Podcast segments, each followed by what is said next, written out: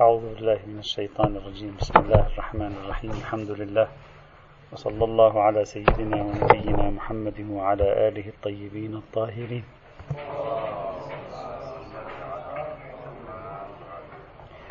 ما زلنا في صدد استعراض الروايات التي تنتمي إلى المجموعة الأولى من المجموعات ذات الصلة بموضوع الرأي والقياس والاجتهاد والعقل وما شابه ذلك.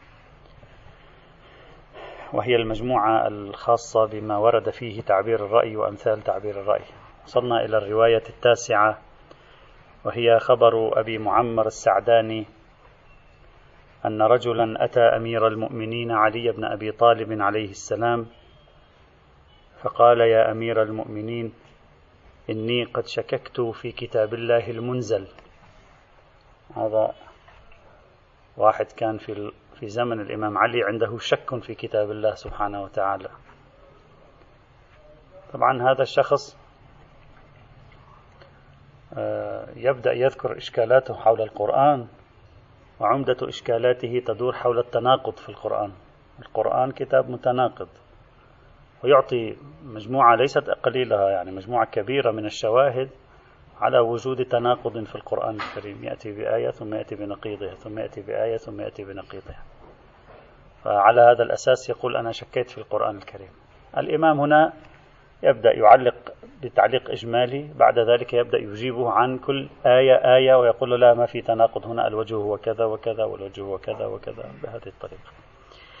قال له عليه السلام طبعا بعد كلام قال له وأما قوله هل تعلم له سميا فإن تأويله هل تعلم أحدا اسمه الله غير الله تبارك وتعالى.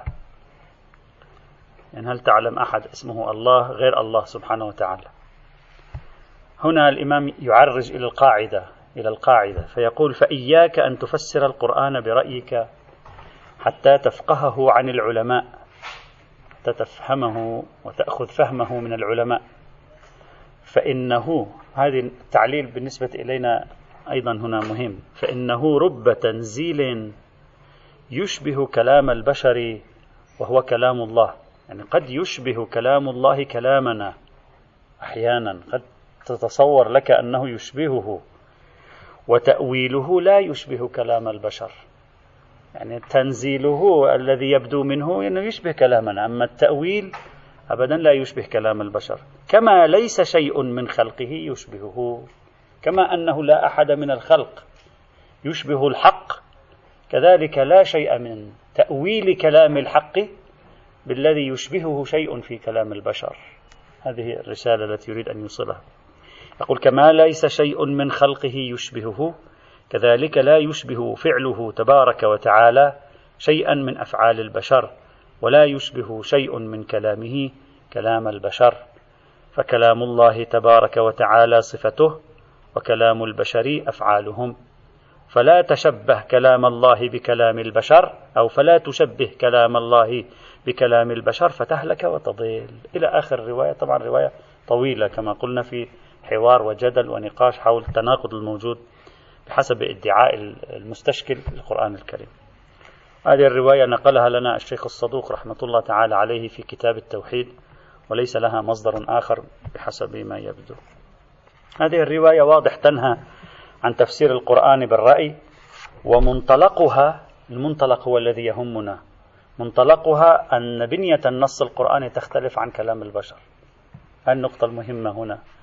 يعني أساس كلام القرآن تكوين الكلام القرآني أصلا مختلف تماما عن كلام البشر.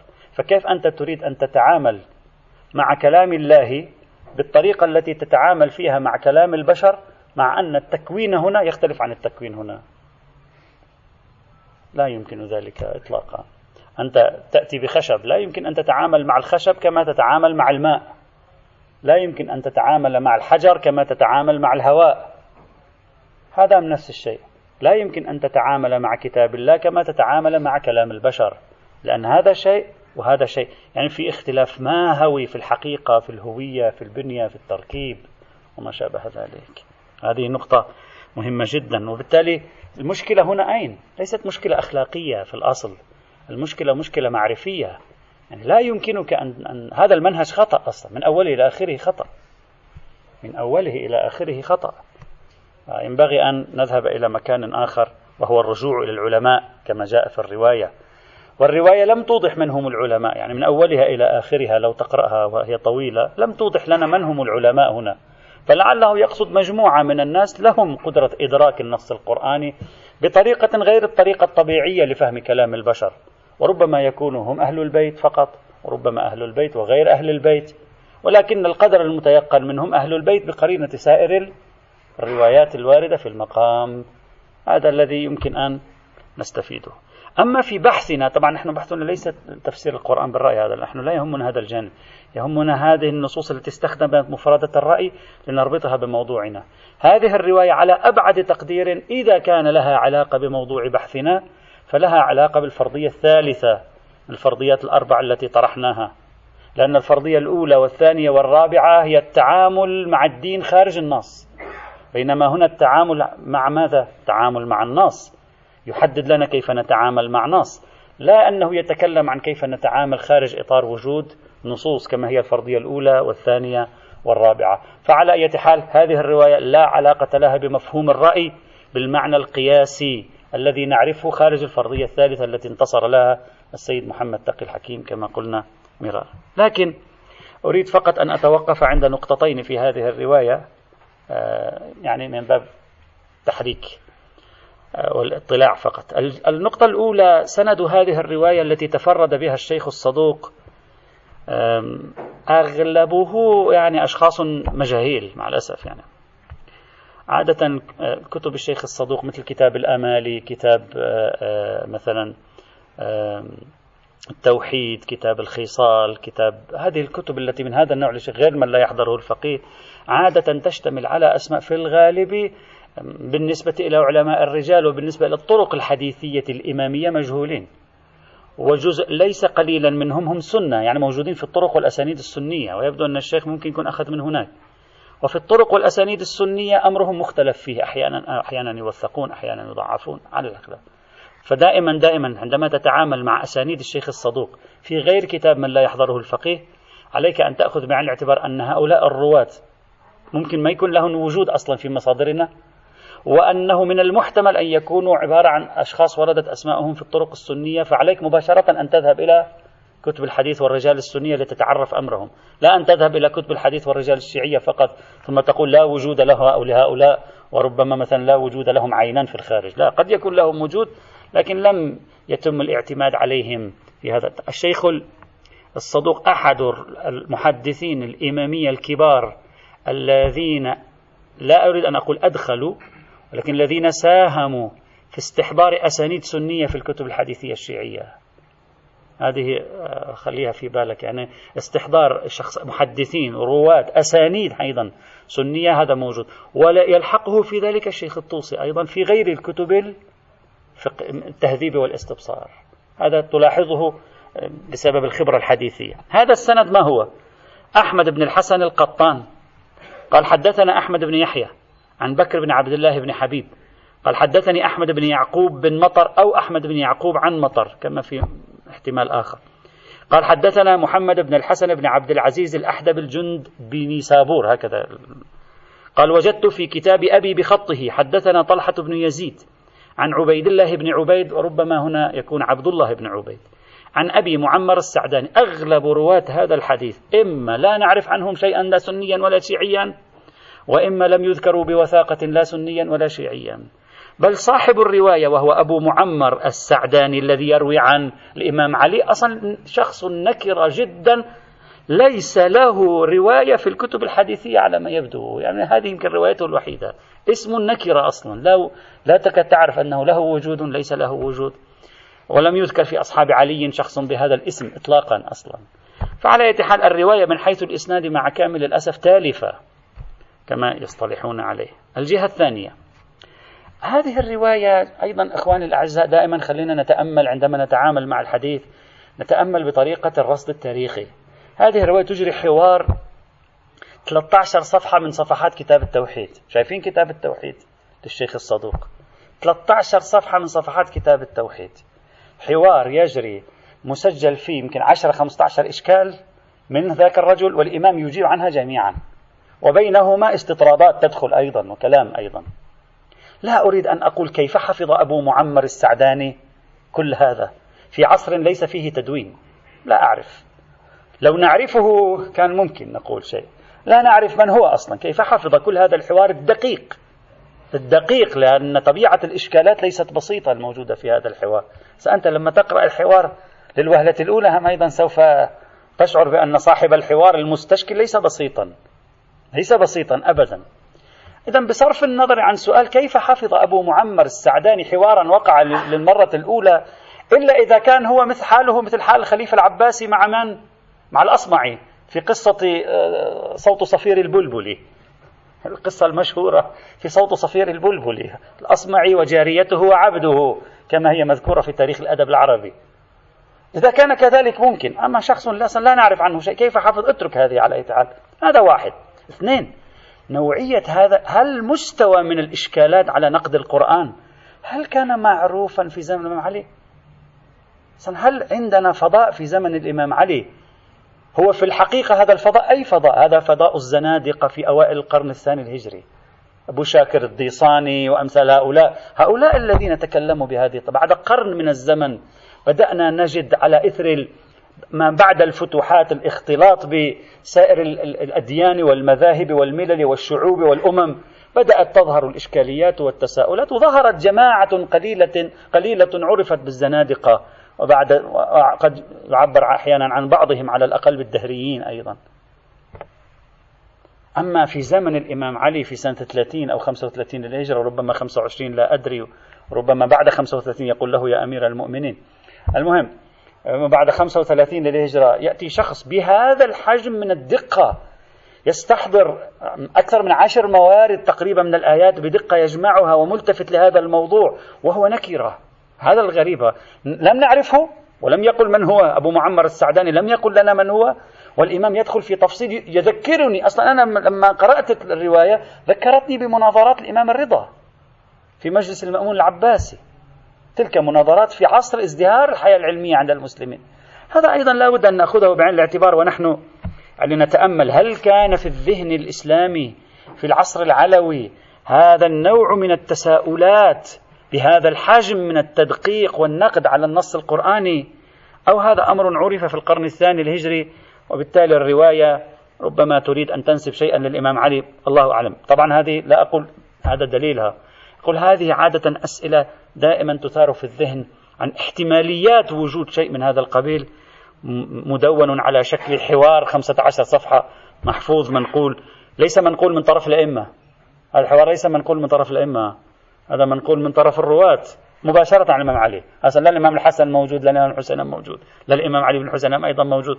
وهذا ما يزيد الطين بلة. على أي حال الرواية من حيث الإسناد ضعيفة ثمة تساؤل حول متنها. ولا علاقة لها ببحثنا في أكثر من الفرضية الثالثة التي تشكل القدر المتيقن من النهي عن القياس. الرواية العاشرة.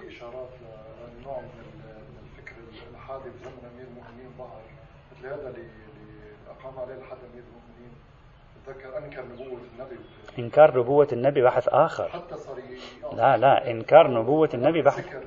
مما لا يعرف لا إنكار أو خلونا واحدة واحدة. واحدة واحدة. إنكار نبوة النبي بحث آخر. إنكار نبوة النبي إنكار نبوة النبي موضوع ثاني. له علاقة ب يعني أوضاع سياسية. أما أنه شخص يأتي على نص قراني بهذه الدقة. لا. أنت اقرأ الرواية. ما نقول مستحيل شيخنا. ممكن تحدث حالات نادرة.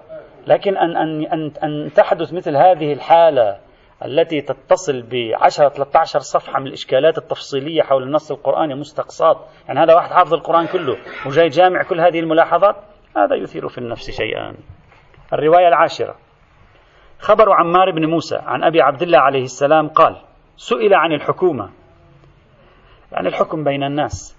قال من حكم برأيه بين اثنين فقد كفر ومن فسر آية من كتاب الله فقد كفر وفي نسخة أخرى ومن فسر برأيه آية من كتاب الله فقد كفر.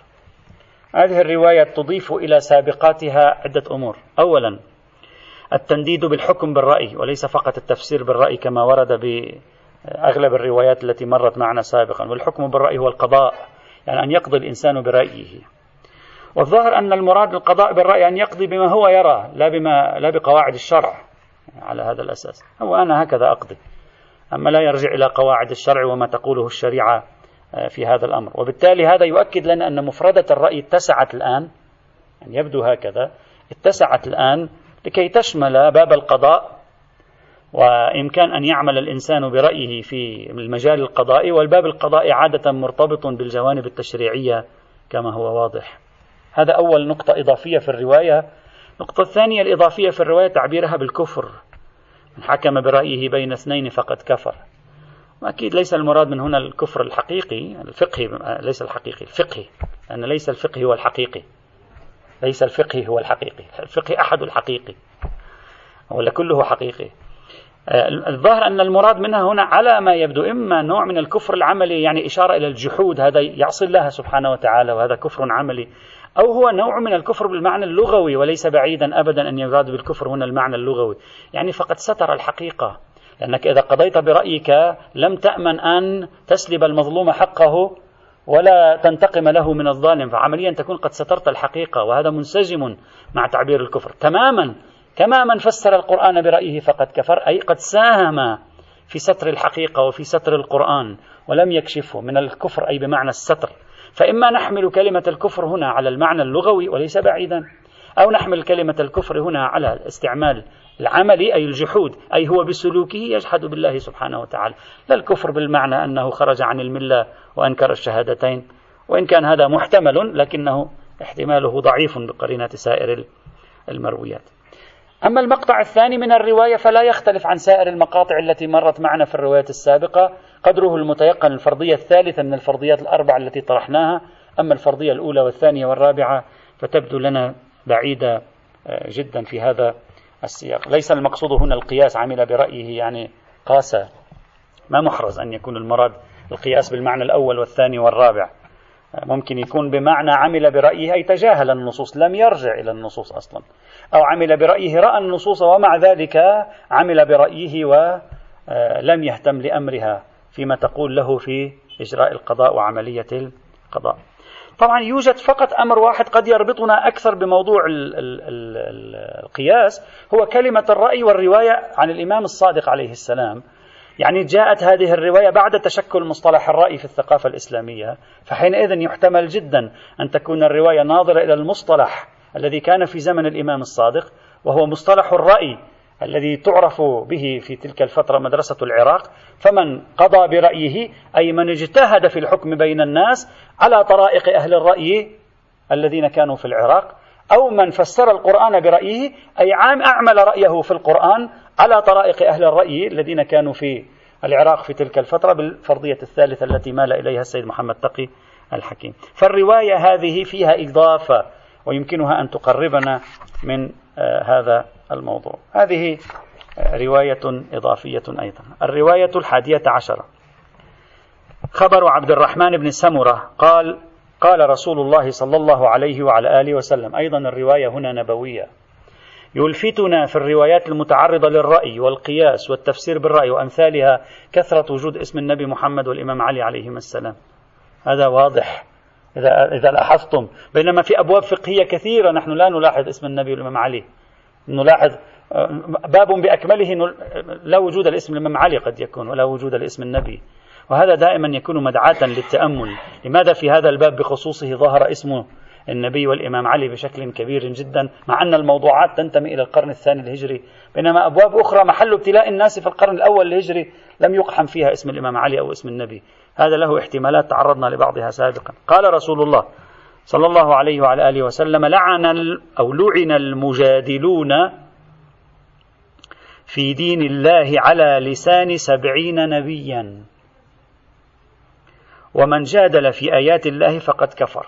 قال تعالى أو قال الله عز وجل ما يجادل في آيات الله إلا الذين كفروا فلا يغررك تقلبهم في البلاد.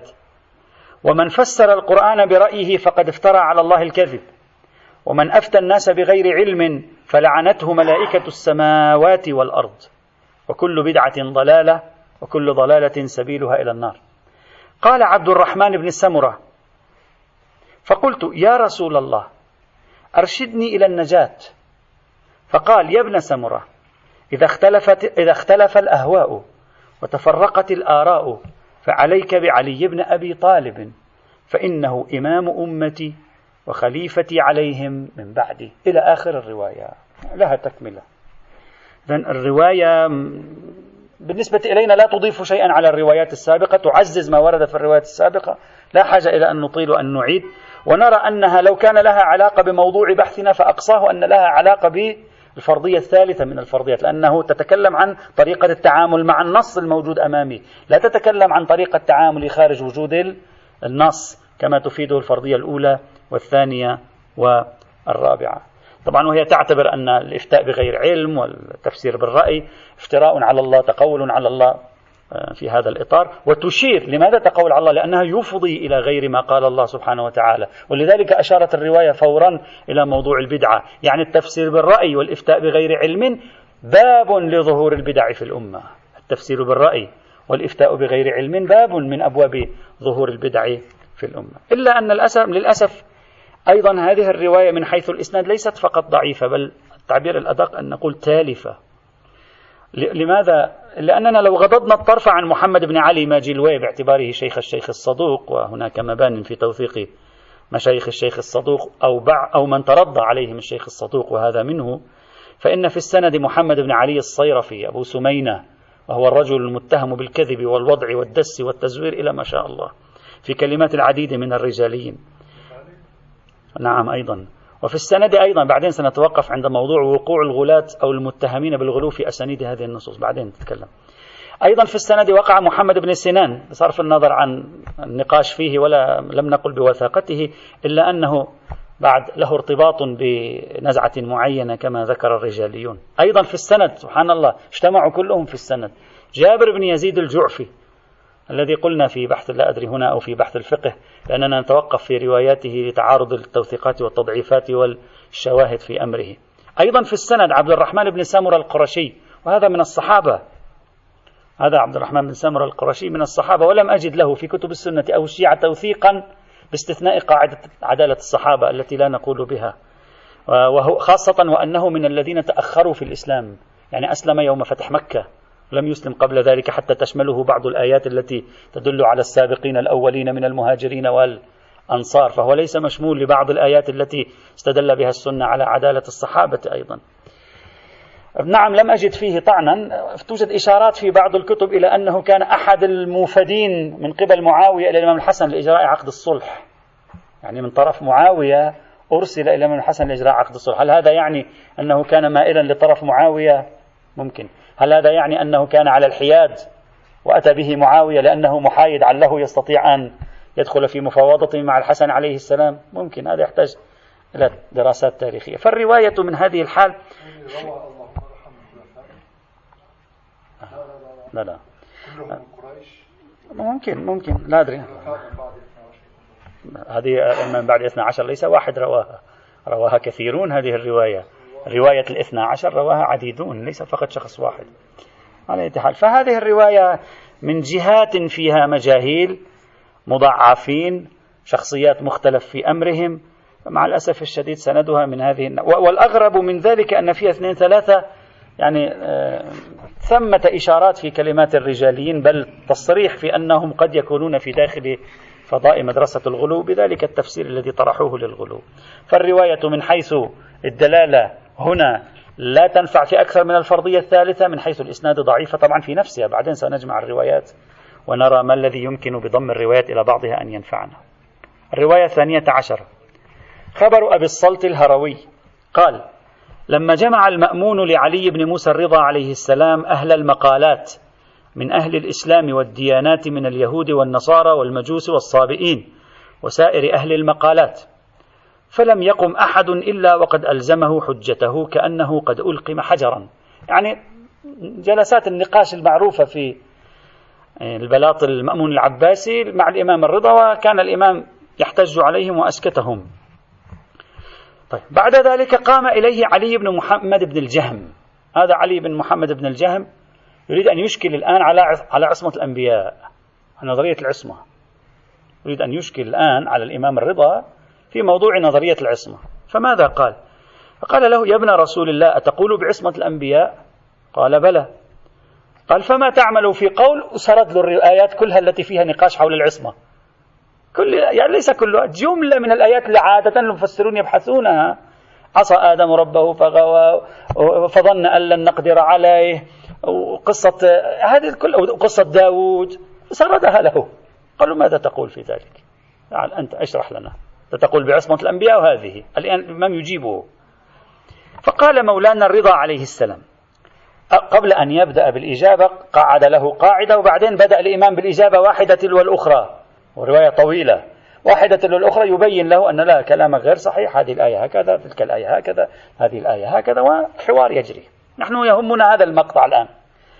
فقال مولانا الرضا عليه السلام ويحك يا علي علي بن محمد بن الجهم اتق الله ولا تنسب إلى أنبياء الله الفواحش ولا تتأول كتاب الله عز وجل برأيك.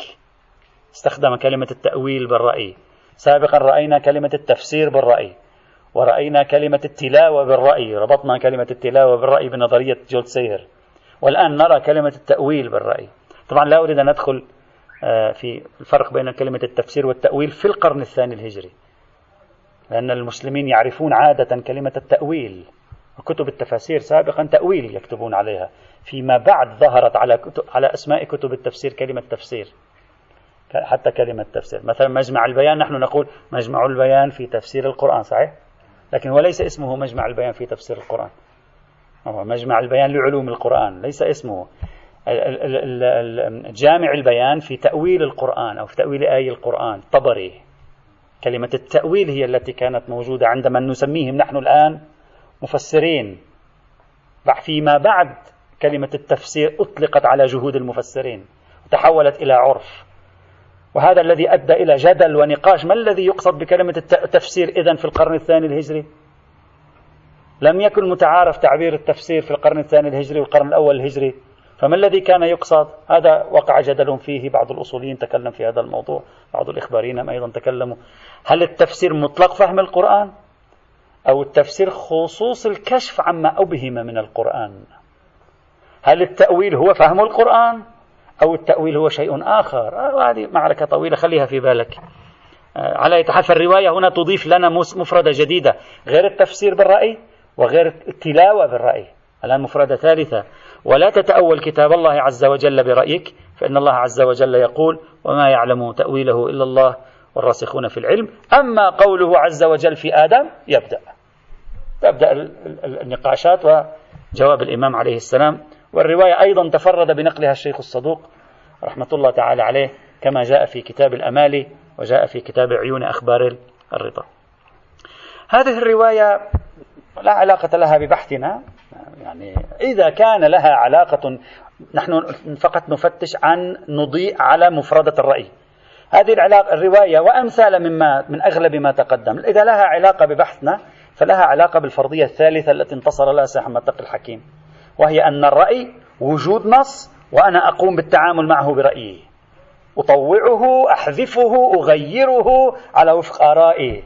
هذا هو ال... الذي كان عند مدرسة الرأي في القرن الثاني الهجري وفقا للفرضية الثالثة.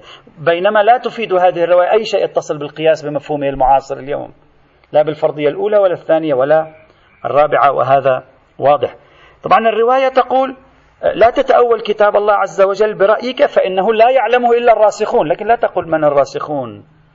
يعني إذا أخذناها على دلالتها الأولية يعني لا يعلمه إلا شخص عنده علم وأنت يا ابن الجهم لا ليس عندك علم. يعني هكذا ظاهرها. هي لا تسد باب معرفة القرآن ولا تحصره بأهل البيت. تقول لا يعرفه إلا الراسخون وكأنه يقول له أنت لست براسخ في العلم. فالتفسير بالرأي هو التفسير لا عن علم يصبح حينئذ. التفسير لا عن بينة واضحة. الشخص الذي لا يملك الإمساك بتمام أطراف القضية لا يمكن أن يدخل إلى تفسير القرآن. والذي يملك الإمساك بتمام أطراف القضية هو الراسخ في العلم. وأنت يا ابن الجهم لست براسخ في العلم. إذا أنت تفسر القرآن برأيك. بظن أنك تعرف معنى القرآن. فتجعل الرواية هنا احتمالية للتفسير الظني.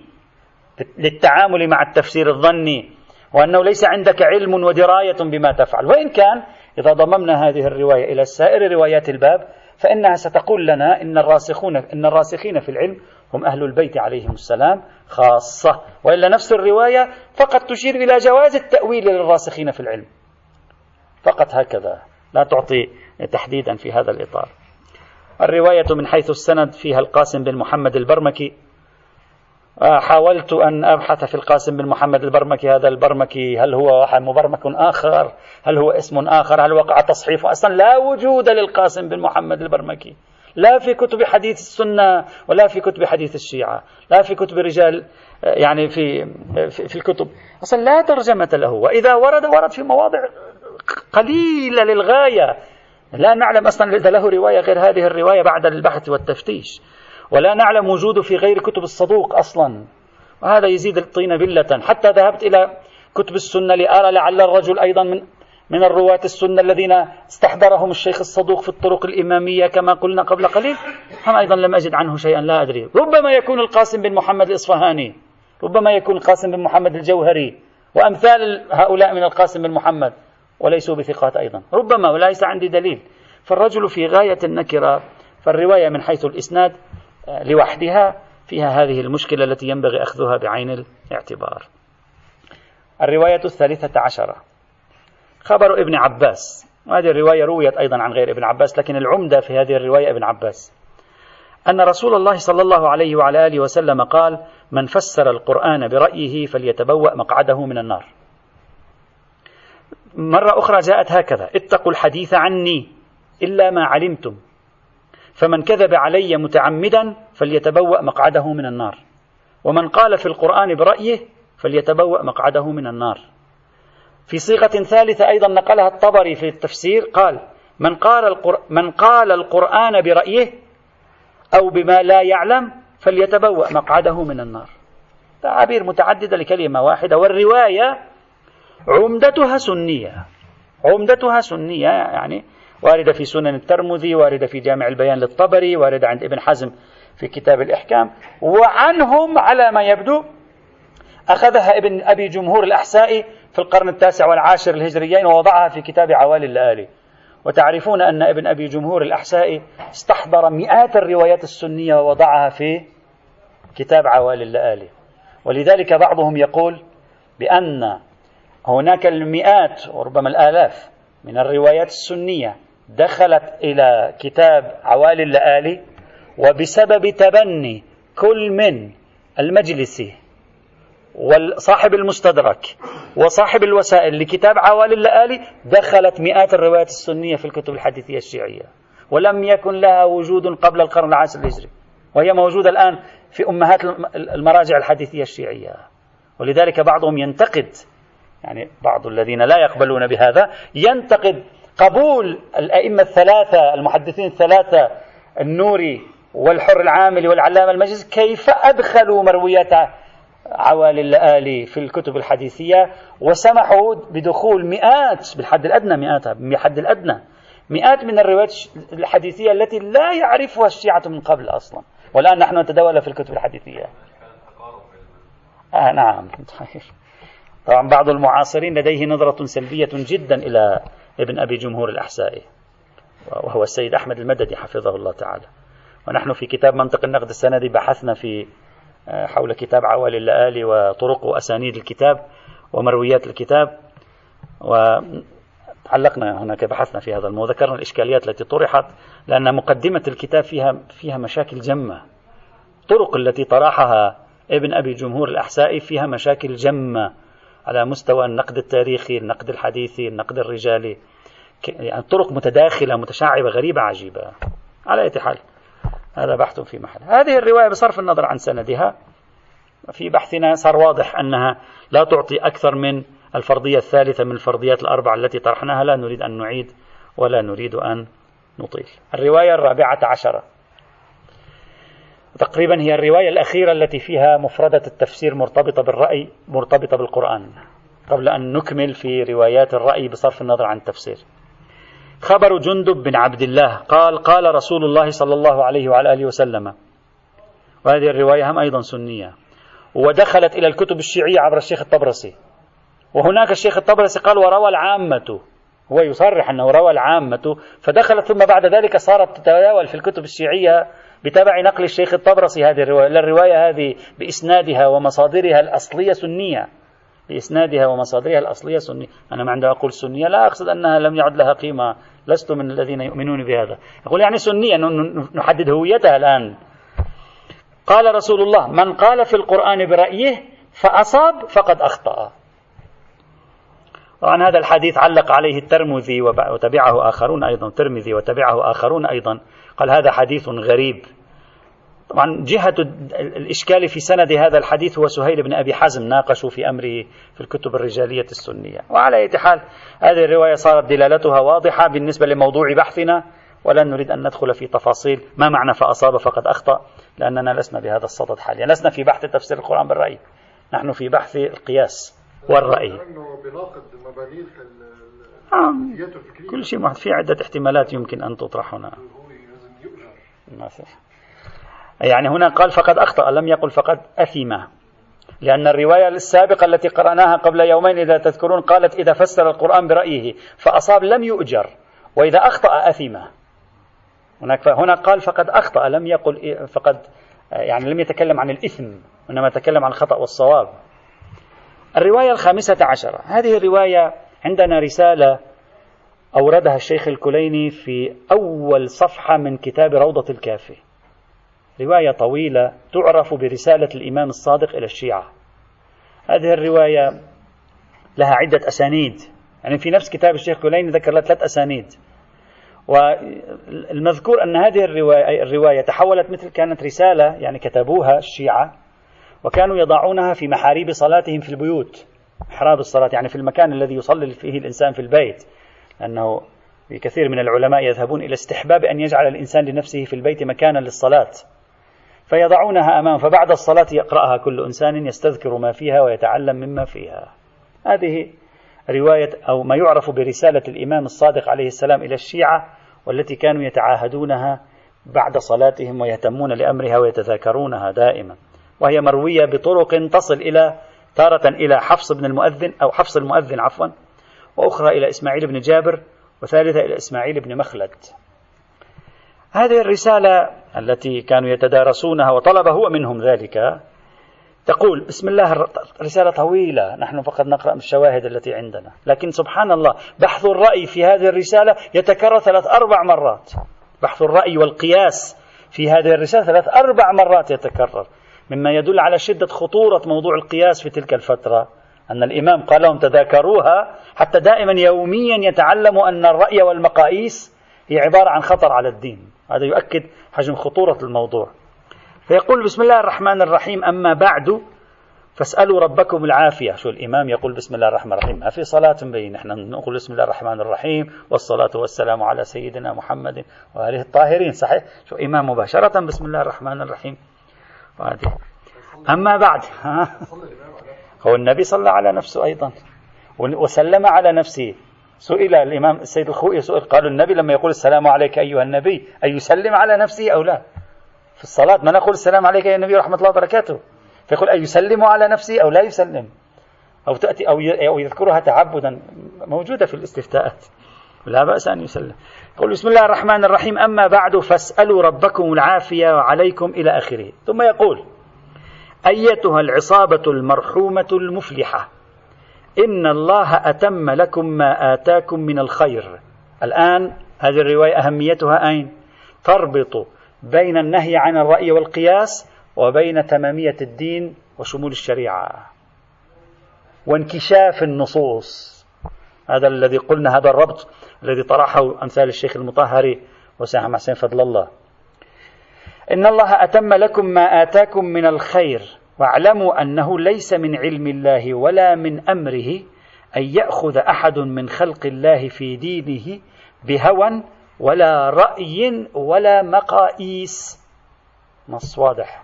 ممنوع في دين الله إعمال الرأي ولا إعمال الهوى ولا إعمال القياس.